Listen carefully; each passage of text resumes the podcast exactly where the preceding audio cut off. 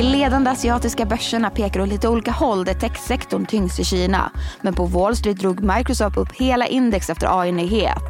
Stockholmsbörsen ser ut att öppna i sidled under ännu en rapporttung dag. Det är onsdag den 19 juli, du lyssnar på DI Morgonkoll och jag heter Sofie Gräsberg. Ja, det är lite blandat i Asien där Tokyobörsen stiger 1%. Där går framförallt fordonssektorn starkt och både Mazda och Nissan ser uppgångar om 4 respektive 6%. Men tyngre ser det ut på den kinesiska marknaden. Fastlandskina och Hongkong står för de största nedgångarna. Kinas industrisektor står inför svårigheter och utmaningar som otillräcklig efterfrågan. Det uppger landets industridepartement. De tillägger att de ska formulera planer på att stabilisera tillväxten i tio sektorer, inklusive bil och stålsektorerna. Och bland enskilda bolag i Kina så kan vi konstatera att det går tungt för techsektorn. Det är internetjätten Tencent är ner 2 sökmorden Baidu backar 4% och e-handelsjätten JD.com är ner 3% men på Wall Street var det betydligt muntrare för techsektorn som fick både S&P 500 och Nasdaq att stänga uppåt. Det efter AI-nyheter från Microsoft lyckades få fart på hela tekniksektorn och dra upp index. Och Microsoft steg själva 4% efter att ha presenterat en generativ AI-assistent med namnet Copilot. Tjänsten kommer att kunna användas över bolagets alla populära program som Teams, Excel och Word och ska kosta 30 dollar i månaden. Även Bank of America steg 4% i gårdagens handel. Bolaget rapporterade ju högre intäkter och omsättning än väntat. Senare idag rapporterar Tesla och Netflix och förväntningarna är högt ställda. Tesla har haft ett rejält rally på Nasdaq i år med drygt fördubblad aktiekurs.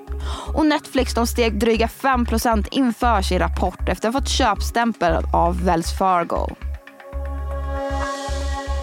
Och Sveriges och Handelsbanken rapporterar precis som sina sektorkollegor en högre vinst än väntat under det andra kvartalet. Nordea, SEB och Swedbank har ju redan rapporterat rörelseresultat klart över förväntan där Swedbank till och med dubblade sitt jämfört med motsvarande kvartal förra året. Men för Handelsbanken är det värt att notera att kreditförlusterna blev betydligt lägre än väntat. Och bättre resultat än väntat för kullagertillverkaren SKF. Bolagets organiska tillväxt uppgick till 7,9 procent. Även det var över förväntan. Och det är en rapporttung dag där bolag som Volvo, Assa Abloy, Sandvik och Atlas Copco öppnar böckerna. Missa inte att DTV sänder extra för rapportsäsongen och Rapportmorgon sänds handelsveckan ut. Solenergibolaget Aselio ansöker om konkurs. Aselios aktiekurs som tidigare var en småspararfavorit har havererat under de drygt två senaste åren. I början av 2021 noterade aktien all time high kring 72 kronor efter en kraftig uppgång under cirka nio månader.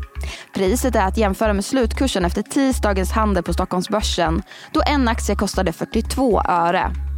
Och bostadsbyggandet fortsätter minska medan övrigt byggande steg under juni. Det visar analysföretaget Byggfaktas byggstartsindikator. Byggstartsindikatorn för bostäder har nu minskat 22 månader i rad sedan toppen 2021, en nedgång 54 procent. Men om vi blickar ut i Europa så får vi senare bättre koll på inflationen. Från Storbritannien får vi inflationssiffror. Den väntas sjunka till 8,2 procent i årstakt från tidigare 8,7.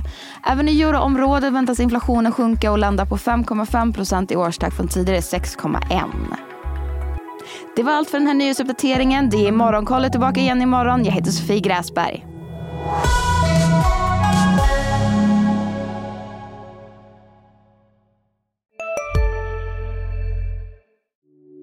Hej, Ulf Kristersson här.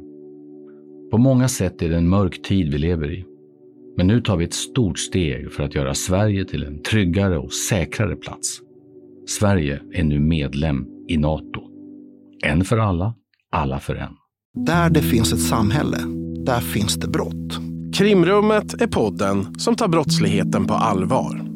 Jag bjuder in landets ledande experter och tar upp aktuella rättegångsfall för att begripliggöra den kriminalitet som kryper allt närmare. Du, alltså, du kan knäcka ett eller några gäng, men det kommer komma nya och så kan vi knäcka dem sen. Men att du ska knäcka allt forever, det kommer aldrig ske. Det är infinite gain. Lyssna på Krimrummet, en podd från Expressen med mig Kim Malmgren.